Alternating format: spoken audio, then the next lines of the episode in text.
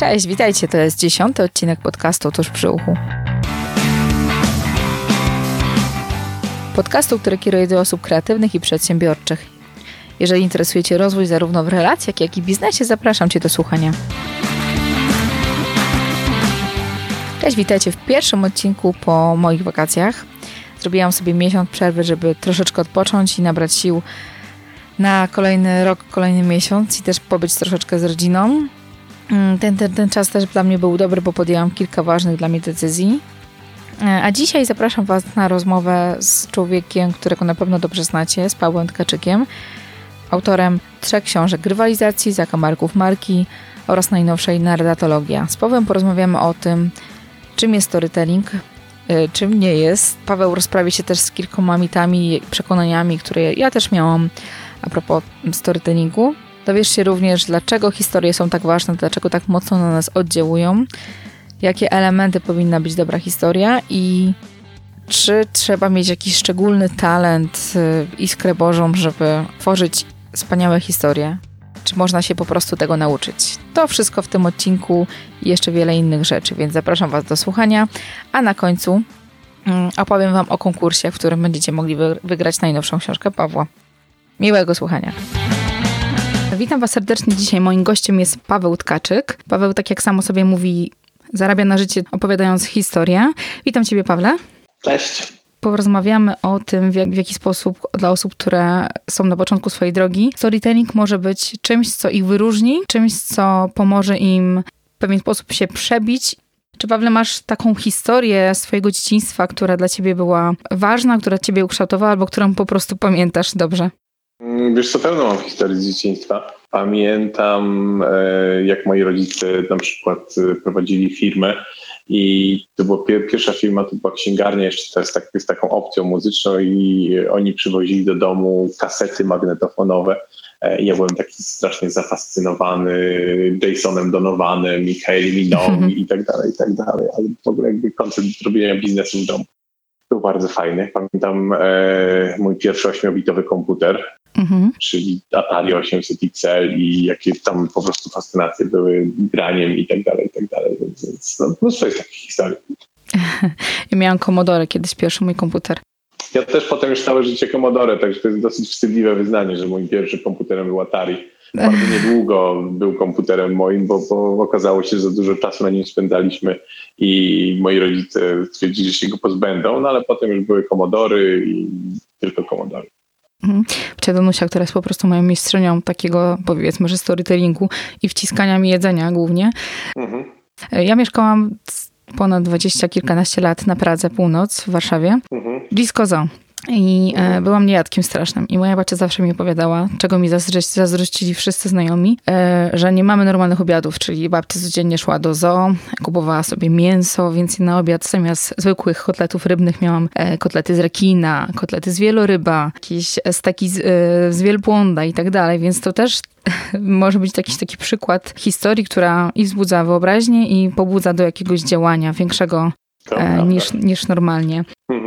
Mm, to, co przeczytałam, można znaleźć na okładce twojej książki, czyli narratologia, umiejętność opowiadania historii tkwi w tobie od zawsze, opanuj ją i rozwin. I mm, moje takie pytanie jest może na początek, w jaki sposób możemy wydobyć opowieść, którą, mm, albo historię, albo elementy, z których możemy poskładać historię, jeżeli byśmy chcieli się tym zająć? Wiesz co, o tym jest to cała książka. No wiem, wiem, wiem.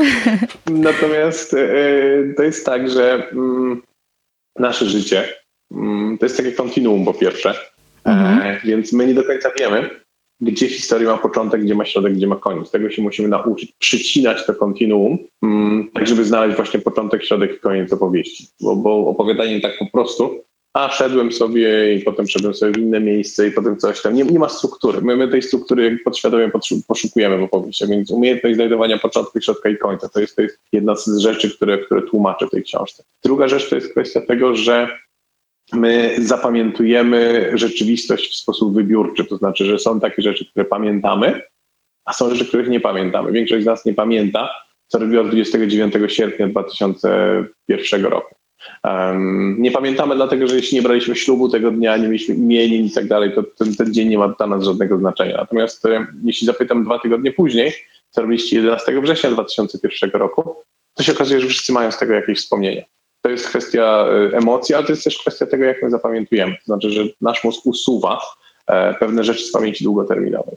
E, I opowieści konstruuje się dokładnie w taki sam sposób. To znaczy, że, że jeśli chcemy, żeby opowieść była zajmująca, my musimy usunąć z tego kontinuum rzeczywistości mhm. pewne rzeczy, które no, nie do końca są nie do końca są interesujące, takie, które powinny być skompresowane i tak dalej, i tak dalej. I kiedy to już mamy za sobą, no to e, w tym momencie musimy się wziąć za coś takiego, co nazywa się klocki opowieści. Czyli e, no, opowieści mają pewne schematy, pewne standardy. E, mhm. One są dosyć elastyczne, to, to sprawia, że, że te opowieści nie są takie same. My czasem wyłapujemy te schematy, a to jest dokładnie tak samo jak z językiem. To znaczy mamy ograniczoną ilość słów, ale jesteśmy w stanie stworzyć z nich nieograniczoną ilość opowieści. Tak samo w opowieściach. Mamy ograniczoną ilość klocków, ale jesteśmy w stanie stworzyć z nich nieograniczoną ilość opowieści. One są, one są na tyle elastyczne. Więc yy, no, umiejętność ułożenia tych klocków, tak żeby to miało sens, bo okazuje się, że nie wszystkie ustawienia mają sens, mhm. to jest umiejętność historii. Ja bardzo mocno wierzę, że da się tego nauczyć. Mhm. Powieści, tak jak zresztą sam mówisz, mamy w genach i każdy ma to w sobie, ale nie każdy robi to równie dobrze. Możemy ocenić, która z tych rzeczy, tych kluczowych elementów, które mamy w sobie, e, jest tą odpowiednią rzeczą. Czy możemy to jakoś przefiltrować w pewien sposób? Mm, wiesz co, są trzy takie filtry, które już starożytni Grecy ogarnęli, jeśli chodzi o opowieści. Opowieść mhm. powinna robić trzy rzeczy. E, pierwszy filtr nazywa się perypetie opowieść, y, perypety to są przeszkody. Natomiast y, opowieść jest o bohaterze, który dąży do jakiegoś celu. To, to jest implikowane, bo żeby mieć przeszkody, musisz mieć jakąś drogę do celu. Mhm. E, więc musisz mieć ten cel i im ten bohater jest bardziej mm, skażony, mm, im ten bohater jest bardziej kulawy, im jest bardziej niedoskonały, tym większa jest ciekawość naszych odbiorców, no bo jeśli e, bohaterem jest słynny kucharz, a zadanie to i cel to jest zrobić jajecznicę, to właściwie nikt nie podziwia go, dlatego że no nie wymagało to od niego żadnego wysiłku. Jedna z reguł storytellingu mówimy, podziwiamy bohatera bardziej za to, jak próbuje, niż za to, że mu się udało. Że próbuje, niż e, za to, że mu się udało. Więc y, pierwsza reguła, pierwszy test na dobrą opowieść jest taki, czy masz dobre perypetie czy ten bohater jest w porządku, czy cel jest w porządku, a przede wszystkim czy to, co jest pomiędzy tymi dwoma elementami, czyli właśnie te perypetie, czy one są zabawne, czy one są wciągające, czy one są fascynujące, czy one są sztampowe. Mhm. E, I kiedy opowiadasz na przykład o swojej babci, e, która usiłowała namówić ciebie do jedzenia, no to ta opowieść jest fajna właśnie dlatego, że rozwiązanie, które twoja babcia przyjęła jest niestandardowe. No, dlatego wzbudza ciekawość e, i ono wzbudza zaangażowanie. To jest, to jest test numer jeden. Mhm. E, test numer dwa, kolejne greckie słowo po perypetiach, mm, nazywa się katarzis. Katarzis to jest oczyszczenie przez emocje. Dobra, dobra opowieść musi wzbudzać emocje. Tym ona się różni od jakiejś reklamy, w której możemy technicznie mówić o produkcie, tym ona się różni od dziennikarskiego fachu, gdzie my znowu mówimy o faktach i tak dalej. E, opowieść powstała dla e, wzbudzania emocji, więc, więc jeśli patrzysz na swoją opowieść, E, czytasz ją sama sobie albo czytasz ją komuś, jakiejś swojej testowej widowni, to w momencie, kiedy ona wzbudza, wzbudza w widowni e, reakcję emocjonalną, to wiesz, że zrobiłaś dobrą robotę, a w momencie, kiedy widownia słucha i mówi okej, okay, ale nawet brew się nie poruszyła, mhm. Mm, to znaczy, że trzeba wrócić do deski kreślarskiej i zaplanować tę opowieść jeszcze raz, bo ona nie spełniła swojej, swojej funkcji. To, to jest test numer dwa, katarzis, czyli, czyli emocje. I test numer trzy e, to greckie słowo, które brzmi agnorisis. E, bo mówię greckie słowo dlatego, że mówię, starożytni Grecy już, już generalnie ogarnęli. To jest coś, co my tłumaczymy, czy coś, co my traktujemy w opowieści jako moment aha. Dobra opowieść ma moment, powiem więcej, dobra opowieść ma dobry moment aha. To jest ten mhm. moment, w którym albo bohater się orientuje, o co kurde naprawdę chodziło, Albo my się orientujemy razem z bohaterem, o co naprawdę chodziło, albo my jako odbiorcy po prostu wyłapujemy a to o tym było i tak dalej. Bo takie klasyczne klocki, z których układa się anagnolisis, to jest choćby zrzucenie masek. My się przekonujemy o prawdziwej tożsamości bohatera, o jego prawdziwych motywach. Kiedy Darth Vader mówi Luke, I'm your father, to jest generalnie właśnie coś takiego anachronistycznie mówimy, aha, to dlatego on tak postępował, dlatego o to chodziło. E, zresztą zobacz, to są klocki, dlatego że my w naszej epopei narodowej mamy dokładnie tę samą scenę, tak? Tadeusz, I'm your father. E, mamy, co też jakby nie jest nowością żadną, no bo mhm. w tragedii greckiej mamy Edith, I'm your mother, nie? I tak mhm. dalej, i tak dalej. Więc, więc jakby te klocki, jak widzisz, są powtarzane. I teraz te trzy rzeczy, e, etie, katarzis i anaknorizis, jeśli masz dobre, to znaczy, że masz dobrą opowieść. Mhm. I tych motywów jest też wiele, tak? Bo no, his dobra historia i w literaturze, i wszędzie tych motywów jest mnóstwo. Motyw drogi, transformacji, tak? Mój chyba ulubiony to jest taki tak, motyw tak. transformacji cały, cały i jakby to, to mówisz coś... nawet nie o klockach, tylko mówisz o takich wyższych schematach mm -hmm. już e, właśnie jak motyw drogi. Transformacja jest, jest e, częścią monomitu. U Campbella na przykład to jest taki dosyć skomplikowany schemat. Są prostsze, które tej transformacji nie wymagają, jak na przykład schemat bajki propa. Ale, ale e, tak, rozmawiamy właśnie o tym, że, że mm, ten bohater, no on musi osiągnąć cel. Czy transformacja, czy nie, on musi osiągnąć cel.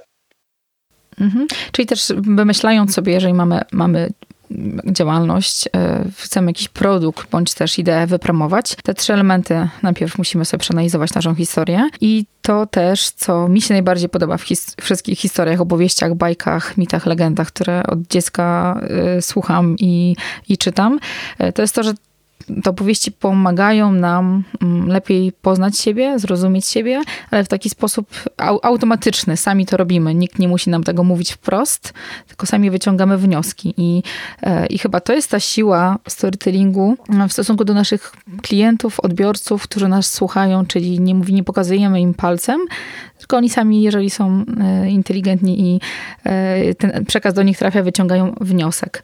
Czy takie wplatanie idei naszej, tego, co chcemy przekazać, powinniśmy to zrobić to na samym początku, czy dopiero pod koniec, jak już mamy jakby cel i cel szkielet całej opowieści? Nie ma chyba jednej prawidłowej odpowiedzi na to pytanie, bo możesz powiedzieć, e, używaj o i teraz serwujesz opowieść, mhm. albo serwujesz opowieść, która się kończy i dlatego powinnaś używać tego proszku, jeśli rozmawiamy o takim najprostszym schemacie, czyli proszek do prania, czy cokolwiek. Natomiast y, tutaj y, absolutnie właśnie niepodawanie klientowi, odbiorcy rozwiązania jak krowie na rowie mhm. E, jest kluczowe. To jest coś, co Andrew Stanton z, z Pixara nazywa regułą 2 plus 2. Czyli my nie mówimy klientowi, że to jest 4, tylko mówimy mu 2, mówimy mu 2 i pozwolimy mu, pozwalamy wysnuć wniosek, że to jest 4 i on z tych wniosków, które sam wysnuł, jest po pierwsze dużo bardziej zadowolony, tego dużo bardziej angażuje, ale po drugie też wnioski, które sami wysnuliśmy, które są dużo bardziej wiarygodne, bardziej w nie wierzymy. Mhm. Jakiś czas temu też widziałam u Ani Urbańskiej, e, która jest tutaj w Polsce osobą, która e, wprowadziła do Polski struktogram. Mhm. Czy nasza opowieść może dotrzeć do każdego? Czy jeżeli mamy konkretną grupę mm, odbiorców, do których chcemy dotrzeć, czy możemy w jakiś sposób nią nakierować do, do tej danej grupy? Arystoteles może to pytanie trochę zawiłe jest teraz, ale jeżeli mm, jeżeli mamy odbiorców, których bardzo lubią dane, liczby i tego typu rzeczy, czy warto, żebyśmy te wszystkie elementy w historii zawierali? Jeżeli ktoś bardziej jest skoncentrowany na emocjach, na silnych, e, silnym przekazie takim emocjonalnym, e, na poruszaniu jakichś strun właśnie e, smutku czy radości, czy to też, czy to też jest ważne, czy ta, czy ta historia powinna mieć te wszystkie elementy? Problem ze storytellingiem jest taki, to czego ludzie w bardzo dużej ilości przypadków nie rozumieją, jest taki, że storytelling to nie jest story. E, czyli nie ma jednej historii, która jest dobra dla wszystkich. Arystoteles mówił o trójkącie, trójkącie opowieści, na który składa się kilka tam elementów, logos, patos i tak dalej, i tak dalej. E, w takim bardziej współczesnym ujęciu ja bym powiedział, że story powstaje, story, story jest jednym z elementów e, trójkąta, E, którego pozostałymi elementami są z jednej strony widownia, a z drugiej strony narrator. Teraz masz oczywiście story, masz, masz opowieść, którą chcesz przekazać, ale widownia, której ją przekazujesz, kształtuje opowieść, ona ją zmienia. Czyli jeśli rzeczywiście są ludzie napędzani emocjami, ta opowieść powinna być bardziej emocjonalna. Jeśli są ludzie napędzani e, faktami, to ta opowieść powinna być krótka, bardziej zwięzła, bardziej e, jakby oparta na faktach. Tutaj jedna drobna uwaga. Mhm. My wszyscy jesteśmy napędzani emocjami. To znaczy, że nawet no tak, ludzie tak. twierdzą, że nie są, no to poza jakimiś takimi patologicznymi przypadkami, to, to wszyscy jesteśmy napędzani emocjami. Więc możemy tego nie dostrzegać, możemy przywiązywać do tego mniejszą wagę, ale pewna struktura emocjonalna w opowieści jest bardzo mocno uniwersalna. I trzecim elementem tego trójkąta opowieści jest narrator sam. To znaczy, że my bardzo często oglądamy opowieść, słuchamy opowieści, nie dlatego, że ona jest nowa, bo my ją znamy już, e, ale żeby zobaczyć, jakie piętno odcisnął na nie narrator. Czyli ja na przykład oglądam sobie, nie wiem, Romeo, idę do kina na Romeo i Julię. E, nie dlatego, że nie wiem, jak ta historia się skończy, tylko dlatego, że reżyser filmu był Quentin Tarantino. Jak on to opowiedział. E, więc mamy story, mamy widownię i mamy narratora. I to są trzy elementy trójkąta opowieści, pomiędzy którymi dopiero powstaje storytelling, czyli ten akt tworzenia historii, e, który, okej, okay, on tworzy jakąś zamkniętą historię w momencie, kiedy ją piszesz, mhm. ale kiedy ją dostarczasz na przykład widowni na żywo, masz też e, relację jakby widownia-narrator bardzo mocno, e, to zmienia historię, no bo jakby, nie wiem, publika nie śmieje się swoich dowcipów, mhm. więc zmieniasz dowcipy, zmieniasz opowieść właściwie na żywca. I też to nie jest coś, co jest jakby procesem zamkniętym, czyli to coś, co tworzymy e, w, w miarę powstawania firmy, w miarę powstawania produktów różnych. E, w jaki sposób możemy jakby uczyć się, rozwijać tą umiejętność i w jaki sposób możemy też podążać za naszą widownią. Kilka rzeczy, znaczy dwie właściwie osobne. Tak zacznę od tej ostatniej, czyli od podążania za widownią. Mhm. E, to jest kwestia odpowiedzi na bardzo proste pytanie. Znaj swoją widownię. Jeśli wiesz, co ich kręci, jeśli wiesz, co oni wiedzą. Bardzo, bardzo jakby częsty motyw budowania wiarygodności. Użyj tego, co wie twoja widownia. E, żeby zapodać na przykład tę metodę 2 plus 2, ja potrzebuję wiedzieć, że oni coś wiedzą i ja im podam i oni z tego sobie skumają swoje 2 plus 2. Natomiast e, e, w momencie, kiedy no, piszesz do obcych ludzi, to skuteczność takiej opowieści jest dużo, dużo mniejsza, więc to jest pierwsza rzecz. Znaj swoją widownię, badaj ją, zadawaj im pytania, jeśli możesz yy, i zachowuj odpowiedzi na wypadek takiej sytuacji, kiedy będziesz musiała pisać historię, a oni w trakcie nie będą mogli ci pokazywać, czy się podoba, czy nie. A druga kwestia mhm. to jest kwestia tego, co pytałaś, jak się nauczyć opowiadania tej historii. Tutaj mm, to tak naprawdę sprowadza się do e, umiejętności y, historii na elementy pierwsze, czyli właśnie poznanie tej teoretycznej struktury, co sprawia, że historia działa, co sprawia, że historia nie działa, jak największym słuchaniu, jak największej ilości opowieści, rozkładania ich na elementy pierwsze, a potem próba budowania z tych klocków czegoś innego, czyli ćwiczenie, no bo umiejętność niećwiczona sama się robi. Mózg jest mięśniem, czy działa jak mięsień właściwie. Mhm. E, czyli znowu ćwiczenia grają. Tak samo ze wszystkimi umiejętnościami. Im więcej ćwiczysz, tym, tym lepiej ci to wychodzi. Pierwsze opowieści zwykle nie są dobre. Jedna z reguł mówi wywal do kosza pierwszą rzecz, która ci przyszła do drugą i trzecią też. I wtedy możesz zacząć pisać. To jest, to jest tak naprawdę element. My myślimy w sposób standardowy, sztampę wyprawiamy bardzo często i to takie myślenie od szablonu sprawia, że opowieści są od szablonu. Nie wzbudzają ciekawości. Jakie błędy popełniamy na początku swojej przygody ze storytellingiem? Osoby, które dopiero zaczynają, dopiero się zaczynają tego uczyć. Już trochę wspomniałeś na początku o tym, że opowiadanie sztampowych rzeczy, które już są oklepane. Wydaje mi się, że jeszcze też brak takiej struktury. Co jeszcze takiego jest, co robimy na początku, a z czego można się wystrzegać, wiedząc już o tym? Zastanawiam się. Jednym z takich tych błędów mhm. E, jest coś, co się e, nazywa grom z jasnego nieba. Czyli nieprzemyślenie historii w taki sposób, że musisz bohatera wybawiać z kłopotów, w którego wpędziłaś, za pomocą zbiegów okoliczności. W dobrej opowieści wszystkie rzeczy są umotywowane, czyli, czyli okej, okay, gdybym miał zaczynać od początku, e, pierwszy błąd, który ludzie popełniają, to jest brak dobrej motywacji bohatera. Dlaczego on robi to, co robi? Czyli, czyli wiesz, e, siedzi sobie jakiś chłopek roztropek, aż pewnego dnia postanowił e, iść i złowić rybkę dlaczego on to zrobił, dlaczego tego dnia akurat. To jest dokładnie to samo, co piszesz opowieść firmową, a pewnego dnia postanowił odwiedzić szefa i poprosić o podwyżkę czy, czy cokolwiek innego. Mhm. To jest proste, mhm. natomiast to jest słabo, słabo umotywowane bardzo mocno, więc jakby motywację bohaterów. Czyli takie stworzenie tak postaci, takiej karty postaci można powiedzieć najpierw, ze wszystkimi cechami. Dokładnie tak. To, to jest kwestia właśnie tego, że, że ten bohater e, musi mieć tę motywację, żeby zmienić coś, co się działo każdego dnia. Tutaj mamy taki schemat. Był sobie bohater, każdego dnia on coś tam, coś tam, aż pewnego dnia i teraz coś się wydarzyło. To nie jest tak, że bohater po prostu wstaje i rusza na przygodę, tylko coś się wydarzyło. Jakiś zbieg okoliczności może być, ale on motywuje bohatera do tego, że on wyrusza na, na, na przygodę, zaczyna robić coś innego niż każdego dnia i tak dalej, i tak dalej. To jest jeden z podstawowych błędów, które, które e, ludzie popełniają. Druga rzecz to jest właśnie, skoro już wpędziliśmy tego bohatera w kłopoty, mhm. on się no, gdzieś tam poszpędał, zrobił coś złego i tak dalej, to e, problem jest taki, że my wybawiamy tego bohatera z kłopotów za pomocą zbiegu okoliczności. Czego nie wolno robić. Mamy tego bohatera, który upadł, już właściwie czołga się po gruncie. E, zobacz scenę z amerykańskich filmów, gdzie, gdzie nie wiem, uciekają gdzieś tam przed potworem i właściwie już praktycznie nie ma e, ratunku. I wtedy jeden sobie przypomina, o mam granat jeszcze. Nie? Mhm. Albo oglądałem kiedyś taki film Atak dwugłowego rekina i tam też jest on i ona, on muskularny, ona blondynka, płyną po wodzie, dwugłowy rekin ich goni. W pewnym momencie ona mówi, o zobacz łódź i wsiadają. Nie? Mhm. O, zobacz karabin maszynowy i, i po rekinie. E, I właściwie to, to, jest słabe strasznie. Z takiego mhm. scenariuszowego punktu widzenia to, to jest bardzo słabe. Bo nie jest realne e, zupełnie.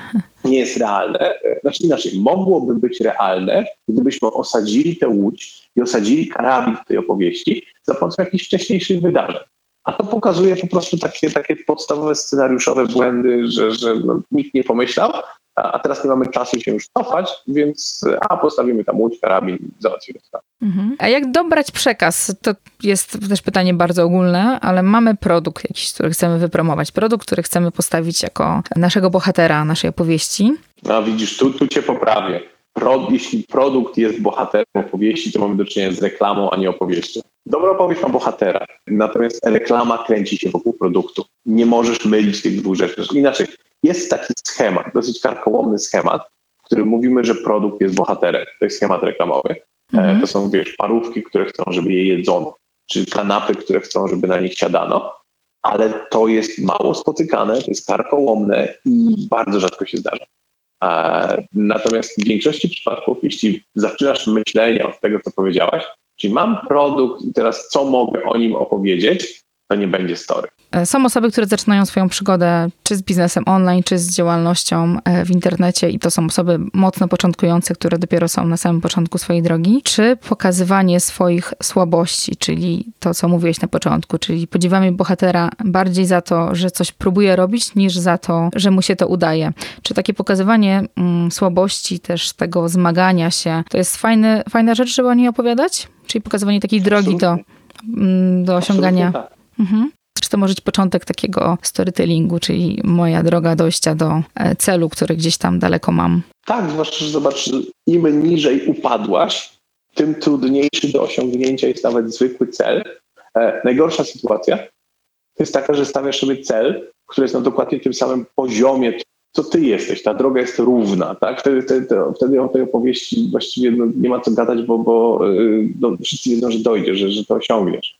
Mhm. Natomiast y, dobra jest właśnie taka, gdzie my pokazujemy, jak nisko upadł bohater, czyli ta deprecjacja bohatera, on nisko upadł i on musi się wspiąć na tę górę.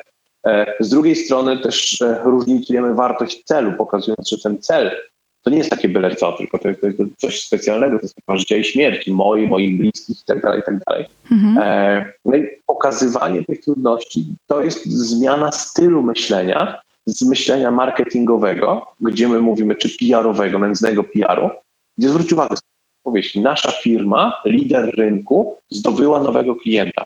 Mhm. Nikt tego nie chce czytać, dlatego że to nie implikuje praktycznie żadnych trudności. Jeśli byliście liderem rynku, to każdy głupi by zdobył tego klienta i właściwie dlaczego miałbym czytać o tym? Mhm. Natomiast y, zwróć uwagę, jak wygląda ta powieść, kiedy mówisz, nasza firma, która dopiero co weszła na rynek i pies z kulawą nogą się za nią nie oglądał, nikt nie chciał naszych usług, zdobyła nowego klienta. I ludzie mówią, ej, to jak to zrobiliście?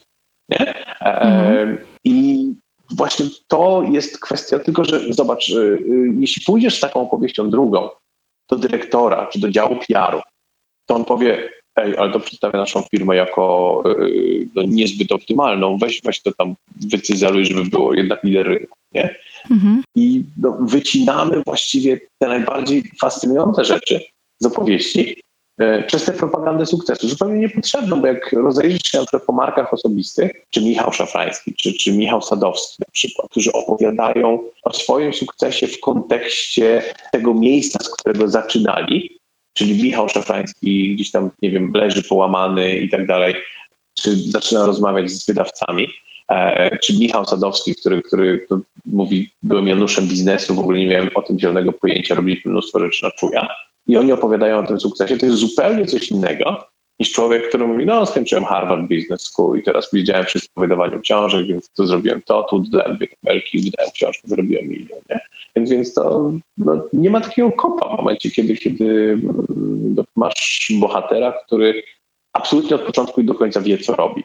Mhm. No, ale też takie chyba zmaganie się, z, uczenie się różnych rzeczy też jest inspirujące, ciekawe i może być kalką dla osób, które gdzieś tam idą za nami i patrzą na nas jako taki nie wiem, przykład osoby, która e, zaczyna, która coś robi i to też może być no, fajny taki przekaz, a przede wszystkim autentyczny. No to jest istota opowieści właśnie. Taki, taki przekaz y, autentyczny, nieautentyczny. Wiesz, ten przekaz o, Harvard, o Harvardzie też jest autentyczny, ale nie jest taki angażujący. W opowieści chodzi właśnie o to wybudowanie zaangażowania. Mhm. A co jako taki to, totalnie zielony, który zupełnie nie wie, jak to robić, który chce mówić o tych swoich początkach, o tym, w jaki sposób to robić. Minimalizm jest najlepszy przy takim tworzeniu pod, podstawowej, takiej pierwszej opowieści. Co byś takiej osobie poradził? Znaczy wiesz co, y, nie przeceniam tej kreatywności, wyobraźni, bo, bo tutaj y, właśnie rozmawiamy o storytellingu jako o rzemiośle. Ja, ja staram się o nim tak myśleć, tak? Mhm. E, rzemiosło jest wtedy, kiedy niezależnie od okoliczności, nazwijmy to weną, nastrojem czy cokolwiek innego, jesteś w stanie w każdej sytuacji dostarczyć powtarzalnej jakości opowieść i ta opowieść jest wystarczająco dobra. To jest tak jak skoczek narciarski. Dobry skoczek narciarski to nie jest taki, który raz na dwa lata odda rekordowy skok, tylko taki, który z powtarzalnością dostarcza wystarczająco dobre skoki, żeby tam się przebić i tak dalej, i tak dalej a od czasu do czasu zdarza mu się ta iskra Boża, niesamowity skok. Ja tak samo traktuję storytelling.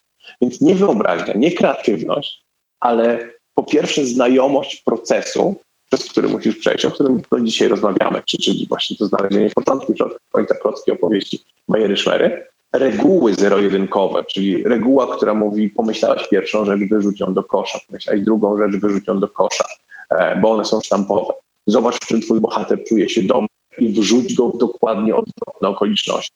To są rzeczy, które nie wymagają kreatywności, a sprawiają, że opowieść będzie dobra. I dopiero kiedy masz te wszystkie rzeczy ustawione na miejscu i ta opowieść spełnia też wymagania, bo zobacz od czego zaczęliśmy. Zaczęliśmy od mierzenia skuteczności. Nie mhm. każda opowieść, nawet pomimo tego, że dobra, e, ona musi mieć autentycznie dobre katarzis, ona musi mieć autentycznie dobre perypetie i tak dalej, i tak dalej.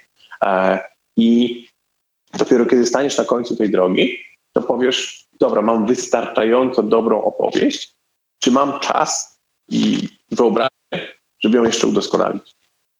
Więc ten początkujący przedsiębiorca uważam, że jeśli chce to robić sam, to powinien się nauczyć tego traktując to jak rzemiosło, a nie podchodząc do tego jak właśnie do iskry Bożej, że teraz będę po prostu, nie wiem, słuchał gongów japońskich i tak dalej e, i przyjdzie mi do głowy genialna opowieść. Nie przyjdzie od samego słuchania gongów.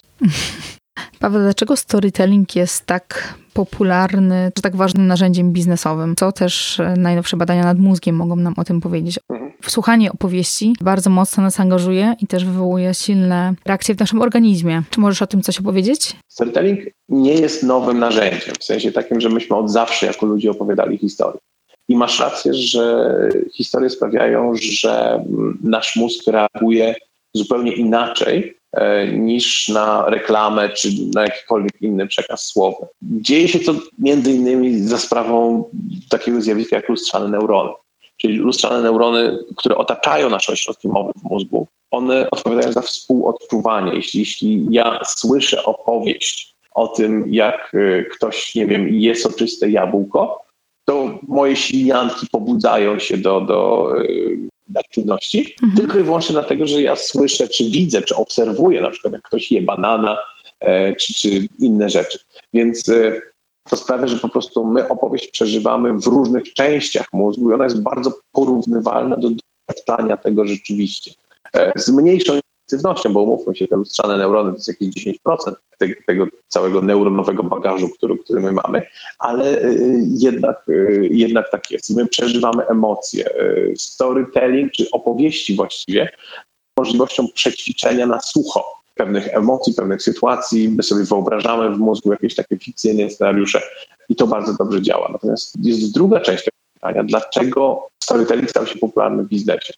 I odpowiedzią na to jest takie zjawisko, które nazywa się komodytyzacja. Umówmy się, nie wiem, czy jest takie słowo, um, trochę je wymyśliłem. Na pewno, na pewno jest angielskie słowo commodity, czyli towar, który nie różni się od innych. I na coraz większej ilości rynków obserwujemy ten trend. Wchodzą nowe towary, usługi, produkty, które nie różnią się praktycznie niczym od tego, co już istnieje na rynku, a trzeba je jakoś spozycjonować, trzeba je sprzedać. Zobacz rynek kont bankowych. 60 koło banków w tej chwili działa na rynku polskim. Czym te konta różnią się od siebie? I o ile jestem w stanie zdefiniować ze dwie czy trzy różnice, o tyle na pewno nie jestem w stanie zdefiniować 60. Mhm. I w tym momencie, kiedy no, nie ma wartości w samym produkcie, my wychodzimy w brandingu w coś takiego, co value, czyli wartość rozszerzona, wykraczająca poza sam produkt albo usługę. To jak sprzedajesz usługi bankowe, e, to jak sprzedajesz buty, czy ser, czy cokolwiek innego, robi różnicę.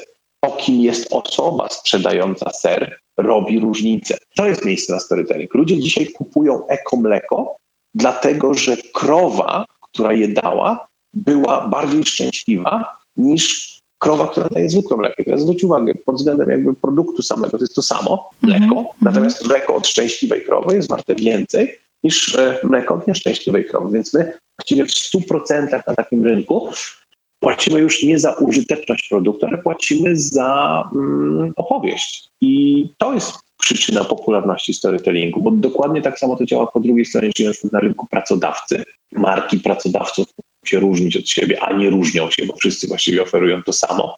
Dam ci pieniądze za to, że będziesz dla mnie pracował. Znowu wracamy do, do podstaw, czyli ludzie płacą za opowieść, za, za to, że wiem, w jednym biurowcu jest zjeżdżanie, w drugim na przykład wszyscy wierzą w wegetarianizm, a w trzecim e, wszyscy biegają i uprawiają zdrowy tryb życia, a w czwartym odwrotnie mamy pizzę co piątek i to jest jakby powód, żeby tam pracować. Więc, więc e, no, do tego to się sprowadza.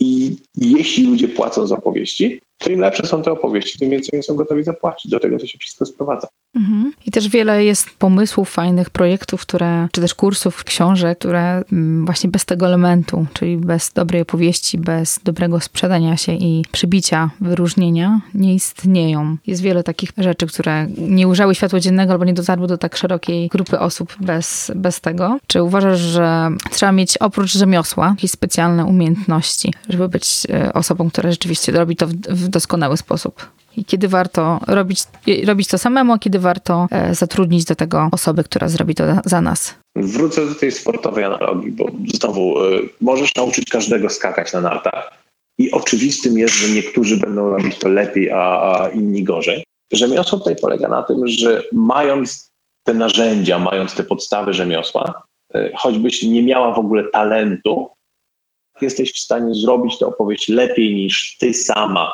bez tych narzędzi, Mhm. Ale dobra wiadomość jest taka, jesteś w stanie zrobić tę opowieść lepiej niż ktoś inny, kto ma talent, ale nigdy tego nie ćwiczył. To jest tak jak skoki narciarskie, tak? Gdybym ja był strasznie utalentowanym skoczniem, ale pierwszy raz bym stał na skoczni, to mi się zładował na ryjek tej skoczni, a dziecko czy, czy ktoś w ogóle bez talentu, kto ćwiczy 5 lat, oddałby lepszy skok ode mnie. I to jest jakby przewaga talentu nad tą intuicją. Natomiast oczywiście, że, że ktoś może powiedzieć, dobra, no ale są ludzie, którzy są bardziej utalentowani i teraz dajcie im narzędzia i oni będą robić to lepiej. I dlatego mówiliśmy o mierzeniu na samym początku, czyli ja muszę potrafić zmierzyć skuteczność opowieści i dlatego dostałaś te, te trzy miary na samym początku. Jeśli powiesz, ok, to jest druga osoba, która pomimo moich wysiłków ma lepsze katarzis, lepsze y, anagnorisis, lepsze perypetie, to ona powinna to robić. Jeśli e, sprawdzisz, że ktoś inny robi to dobrze, no to nie ma się co szczypać, można to powierzyć absolutnie komuś innemu.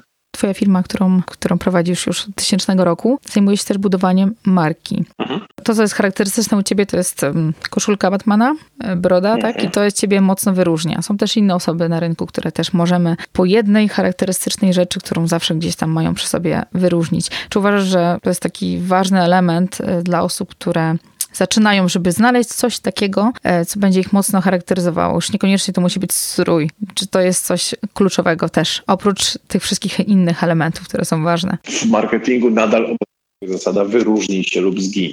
Mhm. Więc y, to widać na rynku, tak? Znaczy wybijają się produkty, które niekoniecznie są najlepsze, natomiast no, najlepiej się wyróżniają. Więc nasz mózg jest tak skonstruowany, że my nie jesteśmy w stanie porównywać wszystkich użytkowych cech produktu czy usługi. My się czepiamy jednej, dwóch rzeczy i na ich podstawie wyciągamy wnioski. Więc, więc ta jedna rzecz, a jakby ten strój działa tak dobrze, dlatego że go szybciej widać niż wolniej. Nie musi być strój absolutnie, ale potrzebujemy takiego punktu, który sprawia, że ludzie nas zapamiętają.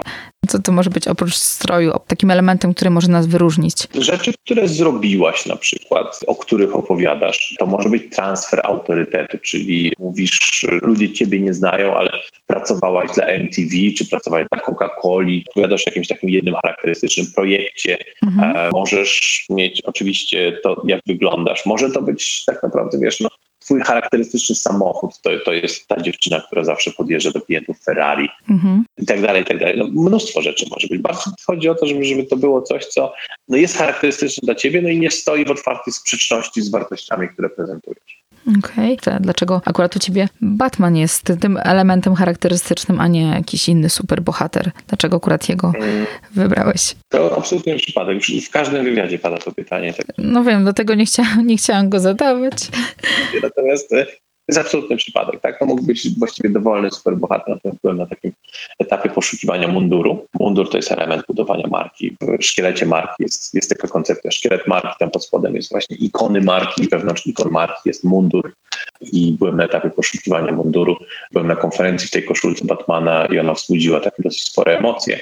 A ponieważ stwierdziłem, no po co się pałować szukaniem czegoś, co, kiedy mamy pod nosem coś, co już działa, Powiedziałem, spoko, mogę, mogę to zaadoptować. Także to bardzo dużo rzeczy w naszym życiu jest dziełem przypadku. My przywiązujemy do tego taką większą wagę niż, niż e, powinniśmy tymczasem. Akurat w tym e, wypadku to był czysty przypadek. Mhm. A wszyscy filozofie już sobie tutaj dowodowują do tego. Tak, absolutnie. Nie, nie sobie dobudowują, to dokładnie tak powinno działać. Natomiast ja nie kryję się z tym, że, że to nie ma za tym jakiejś specjalnie super, hiper głębokiej filozofii. Mnie, mnie bardzo ciekawi to, w jaki sposób e, ludzie, którzy są na rynku przez dłuższy czas, którzy są rozpoznawalni, którzy e, robią fajne rzeczy w moim mniemaniu i robią to w fajny, autentyczny sposób, co takiego spowodowało, jakie umiejętności, może jakie cechy charakteru, czy też decyzje spowodowały to, że ambitnego studenta stałeś się osobą, która teraz jest jedną z najbardziej rozpoznawalnych w marketingu, w storytellingu, w budowaniu marki. Pewnie były inne osoby, które miały podobne predyspozycje, ale osiągnęły takiego sukcesu jak ty. Sama sobie odpowiedziałaś tak naprawdę. Jeśli było dużo osób, które miały podobne predyspozycje, to właściwie ja prawdopodobnie byłem w odpowiednim miejscu w odpowiednim czasie. I tyle. I tylko to? Znaczy, wiesz, pamiętaj o tym, że, że e, my, mamy, my mamy tendencję jako ludzie do mhm. przeceniania naszego wkładu w sukces i jednocześnie niedoceniania wkładu innych. Ja bardzo mocno z tym walczę jak, jakoś tam w sobie. Mhm. E, I kolejna rzecz jest taka, że my e, bardzo mocno mamy zakodowane szukanie przyczyny, nawet w rzeczy przyczyny absolutnie nie mają. Są pewne rzeczy w życiu, właściwie większość, które są czystymi przypadkami. I e, kiedy na przykład rozmawiamy o tych samych ludziach, podziwiam, czyli wracamy do tych dwóch Michałów, Michał Szawrański, Michał Sadowski. Mhm. Część tego sukcesu to jest e, ich e, zasługa, natomiast część z niego to jest kwestia właśnie bycia we właściwym miejscu, we właściwym czasie. I a propos inspiracji czy czegokolwiek innego, strasznie mnie śmieszy, kiedy ludzie pytają Marka Zuckerberga, jak stał się Markiem Zuckerbergiem bo chcą się zainspirować. Jedyna lekcja, jaką z tego wyniesiemy, to jest jak zostać Markiem Zuckerbergiem, tylko że problem polega na tym, że nikomu drugi Mark Zuckerberg nie jest potrzebny e, do niczego, bo Facebook już istnieje. Więc y, oczywiście, o ile wierzę jakby w podglądanie takich ludzi, którzy, którzy osiągnęli sukces, e, wyłapywanie czy ich nawyków, czy, czy pewnych rzeczy, trzeba też bardzo mocno i głośno powiedzieć sobie, że te nawyki są dobre w tym konkretnym przypadku, w tym konkretnym czasie dla tej konkretnej osoby są inne osoby, które no, osiągnęły porównywalny sukces bez tego nawyku. Mhm. A co tobie pomaga w, w twojej pracy codziennej? Co dla ciebie jest taką ważną rzeczą, która popycha ciebie do przodu? strasznie pomaga mi przede wszystkim to, że lubię moją pracę. Jestem pracocholikiem, uwielbiam moją robotę tak naprawdę, więc, więc y, robię to z dużą przyjemnością. Czasem przesadzam, pracuję za dużo. E, bardzo pomaga mi umiejętność oddzielenia jakichś takich stref e, e, w moim życiu, czyli ja to nazywam umiejętnością wychodzenia z pracy. To znowu jest coś, czego moi rodzice mnie nauczyli, kiedy prowadzili firmę w domu. Jeśli prowadzisz firmę w domu, to nie możesz przynosić problemów z pracy do domu, pomimo tego, że to jest to samo miejsce. Więc takie mentalne wychodzenie z pracy to jest coś, co, co mi strasznie pomaga. Ja kończę na przykład warsztaty i zamiast siadać do komputera i odpowiadać na maile, mówię, olewam to, absolutnie zdarza mi się, olewam to, idę do kina, potrzebuję się teraz wyciszyć i tak dalej, i tak dalej. Więc, więc jakby umiejętność tego takiego podzielenia tych stref swojego życia. Większość ludzi robi to w sposób przestrzenny, to znaczy, że masz miejsce do pracy i miejsce nie do nawet jeśli pracujesz w domu, to bardzo pomaga mentalnie mieć stół osobny do pracy i mieć stół osobny do jedzenia. -hmm. Bo w mhm. momencie, kiedy te przestrzenie zaczynają się mieszać, to po prostu dzieją się strasznie niefajne rzeczy. Ja nie mogę czegoś takiego zrobić, dlatego że ja właściwie większość życia spędzam w podróży i ja nie mam miejsc, miejsca, w którym pracuję, ja mam w ogóle to bardzo mocno zaburzone. Zobacz, dzisiaj rozmawiam z tobą siedząc w pracy we Wrocławiu, ale ja mówię wszystkim wszem i wobec, że to jest mój wolny dzień. E, bo wolny dzień to jest dla mnie taki, w którym ja nie muszę nigdzie jechać i mogę sobie posiedzieć w pracy. Nie? Więc, więc to e, wszystko jest kwestią absolutnie względną, ale umiejętność rozdzielenia tych, tych dwóch stref bardzo pomaga. To rzeczywiście, bo ja, my pracujemy mężem w domu razem, więc e, razem każdodziennie, więc wiem, jakie to jest mhm. duże wyzwanie, żeby i z sobą rozmawiać po pracy normalnie, nie o pracy, mhm. więc to jest rzeczywiście duże wyzwanie. No więc to jest, to jest jedna rzecz, plus na przykład robię sobie od czasu do czasu taki mentalny rachunek sumienia, na co marnuję czas. I staram się eliminować te rzeczy z życia. Czyli na przykład nie mam, ludzie się czasem dziwią, ja nie mam Facebooka. Nie mam Facebooka w telefonie. Oczywiście mam konto na Facebooku, bo, bo pracuję na Facebooku, natomiast y, przeniosłem Facebooka na komputer, przeniosłem te rzeczy na Facebooku, które mogłem do tam biznesowego menadżera i zaglądam na Facebooka, takiego czystego Facebooka, tak rzadko jak to tylko możliwe, ponieważ stwierdziłem, że kurczę, będę ostatnio marnuję tam strasznie dużo czasu. A co ostatnio, Paweł, czytałeś takiego, co ciebie było oderwaniem się i czymś fajnym? Czytałeś jakąś fajną książkę? Czytałem ostatnio mity nordyckie w interpretacji Nila Gaimana który jest absolutnie moim idolem, jeśli chodzi o opowiadanie historii. Napisał właśnie mitologię nordycką, robiąc to w taki sposób bardzo fajny, to znaczy, że on analizował teksty źródłowe, czyli dwie główne Edy skandynawskie, Edę poetycką i tę Edę niepoetycką.